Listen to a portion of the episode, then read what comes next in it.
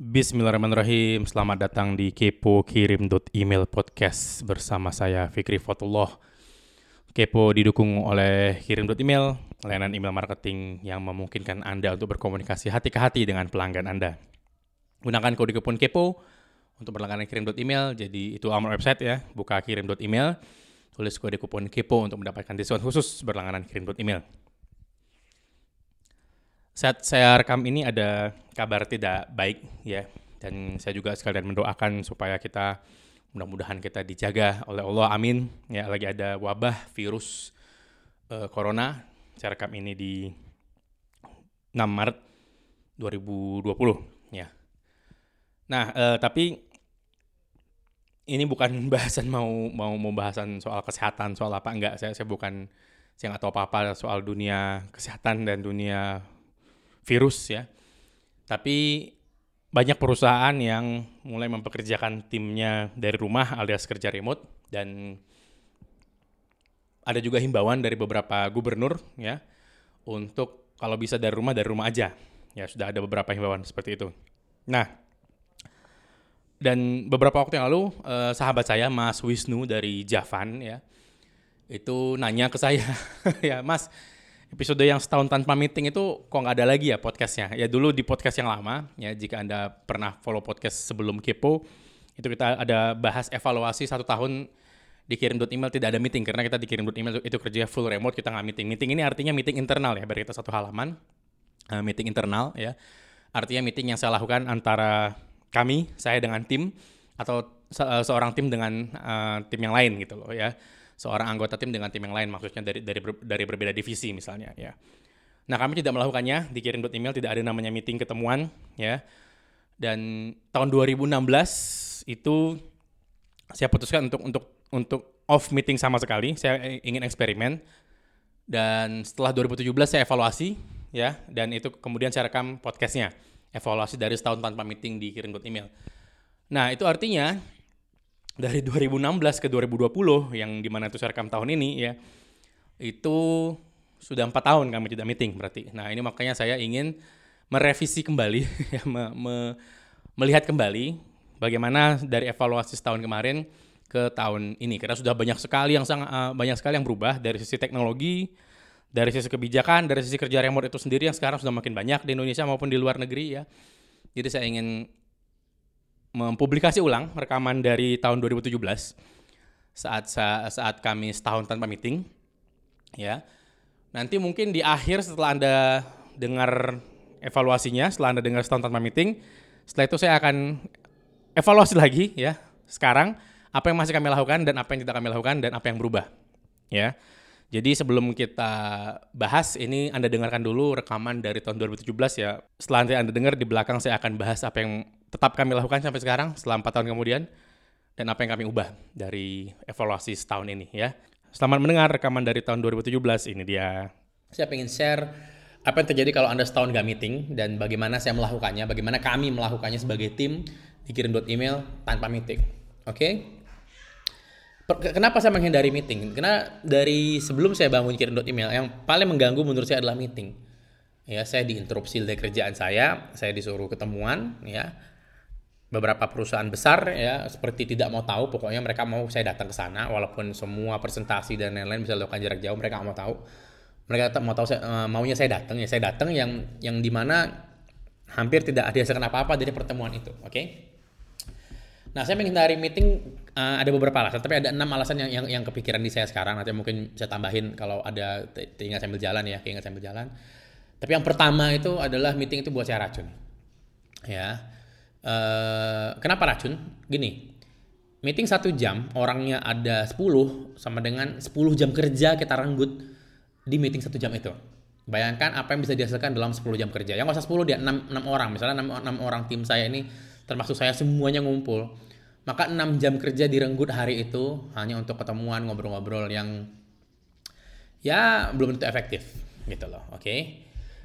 mungkin anda berpikir lo kan meetingnya bisa dibikin efektif mas pakai agenda iya tahan dulu oke okay? kita akan ke sana nanti ya jadi meeting itu racun uh, tetap walaupun ada agenda tetap anda harus mendedikasikan waktu di sana Dan selagi Anda meeting, kecil sekali kemungkinan Anda bisa kerja yang benar dengan optimal. Misalnya Anda seorang desainer gitu kan ya, diajakin meeting yang bahas marketing yang mungkin nggak nyambung sama Anda, ya Anda tidak bisa mendesain saat Anda meeting di, di bahasan itu gitu loh.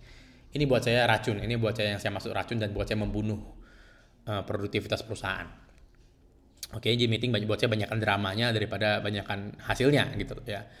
Jadi meeting itu racun. Itu mindset yang saya tanamkan ke tim. Tidak ada meeting, meeting itu racun. Oke uh, buat saya yang kedua meeting yang ideal, meeting yang baik adalah meeting yang tidak pernah terjadi karena poin pertama tadi. Karena meeting itu racun. Jadi meeting yang terbaik buat saya, buat saya adalah meeting yang tidak pernah terjadi. Terutama meeting internal. Saya nggak bilang meeting ke klien. Ya. Uh, klien pengecualian, klien yang artinya meeting keluar dengan orang baru untuk beli produk kita atau misalnya meeting untuk kita buka jalur, jalur distribusi baru atau pengen kenalan ya itu beda ya. Ini buat saya sih meeting internal sama tim, meeting perusahaan gitu loh ya. Jadi meeting yang terbaik adalah meeting yang tidak pernah terjadi menurut saya. Itu kesimpulan saya setahun ini kayaknya. Oke. Okay? Dari setahun ini juga eh, dari pengalaman saya juga saya eh, ambil kesimpulan bahwa sebagian besar orang yang ikut meeting sebenarnya pengen ketemuannya bukan pengen mengerjakan suatu hingga selesai bukan. Mereka bukan pengen kerja hingga selesai. Mereka pengen ketemuan gitu. Kebanyakan orang meeting seperti itu. Kenapa? Kalau nggak ketemu nggak enak. Kalau nggak ngelihat muka nggak enak. Jadi buat saya itu lebih kepada nafsu bukan ke fungsi gitu loh. Ya. Lebih pada nafsu aku pengen ketemu dia aku pengen ketemu dia aku pengen lihat ini ya. Jadi nafsu kita sebagai leader nafsu leadership gitu loh. Ya saya adalah pemimpin semua tim saya semua uh, kru semua bawahan. Saya nggak suka banget pakai kata bawahan tapi ini contoh aja ilustrasi aja. Semua bawahan saya harus ketemu. Kenapa? Harus mendengar saya harus didengar. Saya kan pemimpin. Nah saya lebih ngerasa itu di meeting daripada ya orang-orang yang pengen benar-benar menyelesaikan pekerjaan sampai tuntas gitu loh. Ya karena buat saya pekerjaan tidak akan tuntas dalam meeting gitu loh. Ya pekerjaan tuntas di kalau dikerjakan bukan di meeting kan gitu. Oke? Okay? jadi uh, sebagian besar orang yang ikut meeting buat saya pengen hanya pengen di situ karena pengen ketemuan atau pengen menghindari pekerjaan. Itu yang level paling parah ya gitu loh. Keempat alasan keempat. Orang yang ikut meeting sering banget pegang gadget. Ya laptop tablet HP yang semuanya connect ke internet, yang semuanya akhirnya connect ke kerjaan mereka juga gitu loh, atau ke orang-orang yang butuh yang mereka butuhkan untuk misalkan pekerjaan kan gitu. Ya kan jadi kalau mereka pegang gadget, badannya di situ, pikirannya nggak di sana, ya badannya apa yang di situ, ya sekalian aja badannya dibuang gitu kan ya. Jangan di situ gitu loh. Oke? Okay? Multitasker gitu loh. Saya tidak peduli sama skill skill ada orang yang skillnya bisa ngerjain di HP sambil ketemuan itu buat saya bukan hal yang luar biasa, itu buat saya menghina gitu loh, ya kan? Kita tidak menghargai orang yang datang. Kita malah megang HP ngurusin yang entah di mana. Ada orang depan kita, ada tamu terutama. Jadi uh, ini juga yang alasan ya toh kita semua sedang saat ini jika anda dengar ini kemungkinan besar anda sedang megang gadget atau punya gadget yang connect ke internet ya jadi kenapa nggak meetingnya via itu aja gitu loh kenapa harus datang ya toh saat datang kita megang gadget juga jadi kita ngapain di situ ya selalu ada orang yang duduk di pojok ruangan megang gadget kalau lagi meeting. Selalu ada. Apalagi kalau meetingnya rame di, di atas di atas lima orang. 6, 6, 7, 8, 9, 10 orang. Pasti ada yang duduk nggak ngedengerin megang gadget kerja atau mengurusin kerjaan dia atau ngurusin kepentingan dia yang kepotong karena meeting itu gitu loh. Ya. Selalu ada orang seperti itu. Dan saya, saya, saya eh, setiap kali diundang meeting sama perusahaan-perusahaan besar saya selalu mencari orang itu. Dan saya selalu ngelihat ke dia saat ngomong gitu ya. Sengaja mungkin gitu loh ya. Jadi ya kalau emang pikirannya nggak di situ jadi ngapain di situ ya. Jadi eh, kalaupun toh udah meeting prinsip saya gini kalaupun toh kita udah akhirnya jadi meeting ya. Ya bu dihargai lah ya gitu. Tuh udah datang gitu kan ya. Jangan megang gadget lah gitu loh. Yang ngobrol ya bahas kepentingannya bu ya dihargai dikit gitu loh. Alasan ke poin kelima poin ke berapa poin kelima ya. Poin kelima Meeting tempat bertemunya orang-orang yang bukan mahram. Ya, perempuan laki-laki bercampur semuanya meeting gitu. ya itu yang saya terjadian di uh, saat saya meeting dengan beberapa klien, calon klien gitu. Ya beberapa nggak jadi klien. Berkumpulnya bertemunya saya dengan wanita-wanita yang seharusnya tidak saya temuin yang tidak kadang-kadang dalam beberapa kasus tidak tidak mengenakan hijab gitu loh. Jadi sudah sudah berlawanan jenis kelihatan aurat lagi gitu kan ya. Yang membuat saya sangat tidak nyaman gitu loh ya Uh, makanya saya selalu uh, dan ya menyuruh si wanita ini bawa mahramnya seperti suami atau saudara ya mungkin agak sedikit susah kan gitu ya. Nah, saya tidak mau ketemuan sama orang kalau dia tidak ada mahramnya gitu. Apalagi hanya berdua perempuan laki-laki itu saya akan sangat saya hindari. Oke. Okay? itu juga yang saya, saya sangat membuat meeting saya nggak suka gitu loh. Oke, jadi memberikan kesempatan atau memberikan peluang untuk bertemunya perempuan sama laki-laki di satu tempat dan banyak bertemunya. Kadang banyak perempuan dengan banyak laki-laki gitu ya. Itu poin kelima. Poin keenam.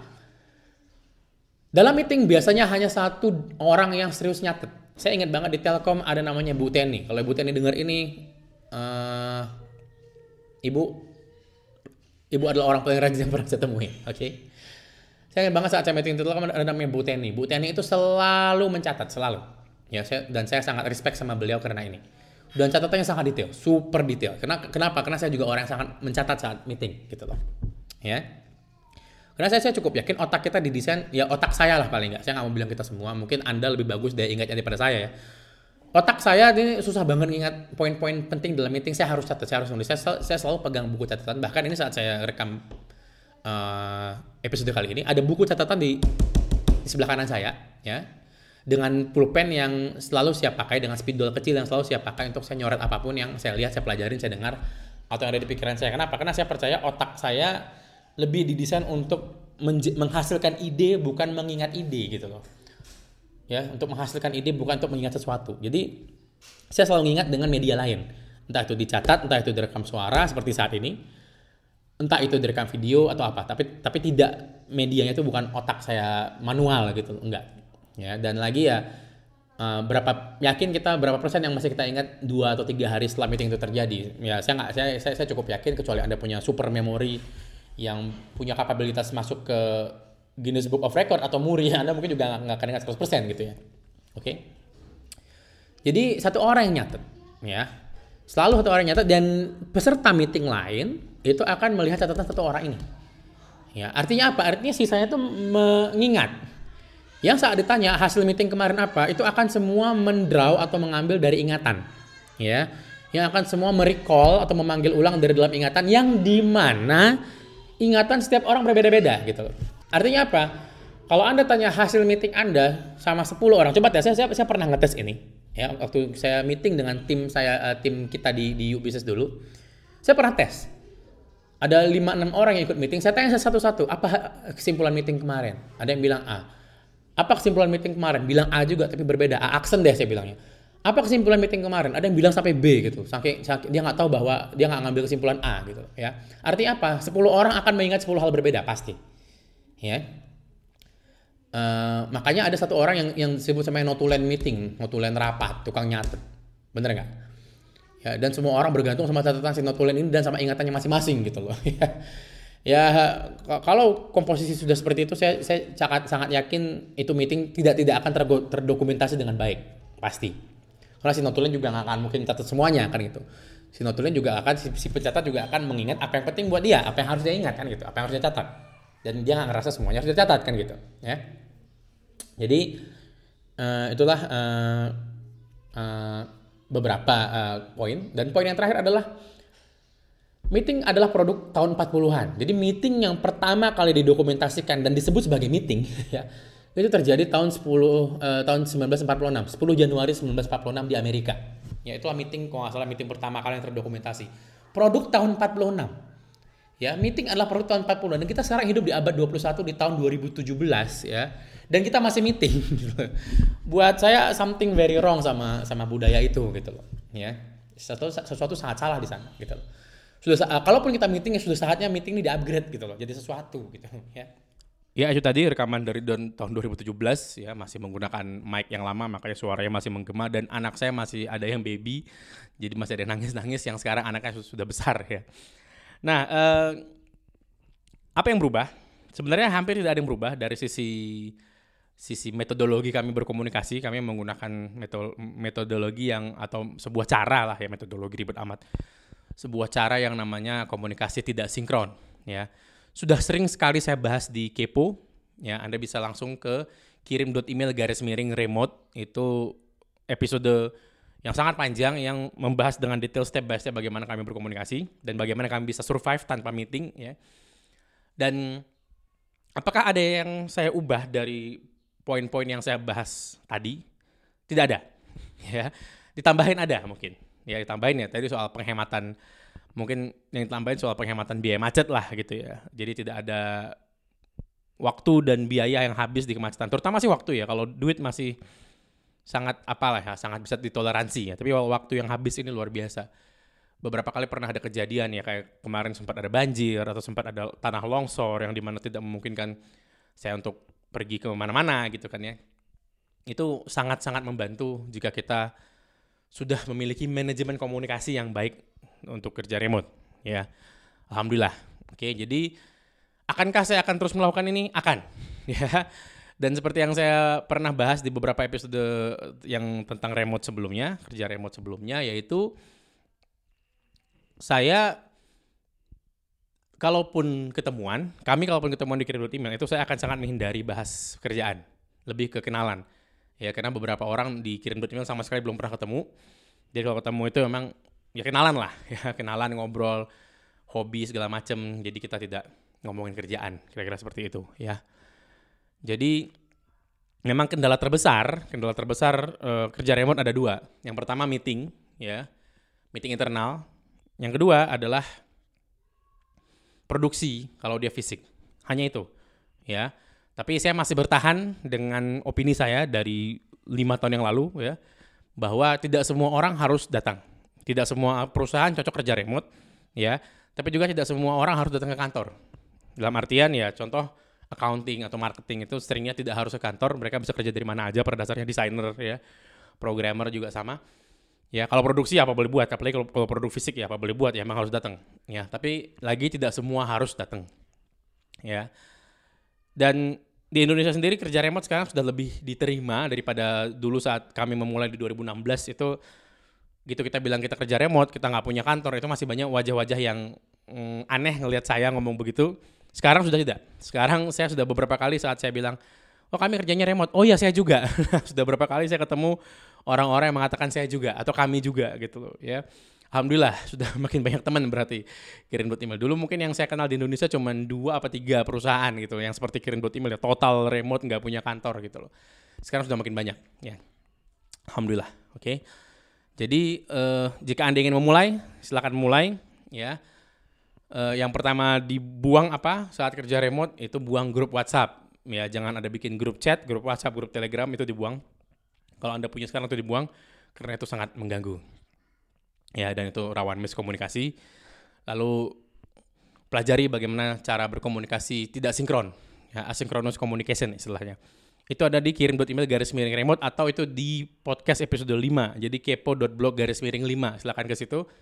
Ya buka HP Anda sekarang. Bisa ke kepo.blog garis miring 5 nanti Anda akan melihat episode 5 episode remote. Anda pelajari di situ. Dan kalau Anda mau semua episode remote itu Anda bisa ke kepo.blog ya itu alamat alamat websitenya untuk kirim email podcast. Jadi silahkan Anda ke kepo.blog masukin alamat email Anda nanti kita akan kasih instruksi bagaimana Anda bisa mendengar seluruh episode kepo melalui smartphone Anda termasuk seluruh episode kerja remote yang pernah kami rekam ada di situ ya. Itu aja mungkin dari saya. Jangan lupa gunakan kode kupon Kepo untuk mendapatkan diskon khusus berlangganan kirim email. Ya, itu alamat website kirim.email lalu gunakan kode kupon Kepo. Terima kasih. Sampai ketemu di episode selanjutnya insya Allah. Assalamualaikum warahmatullahi wabarakatuh.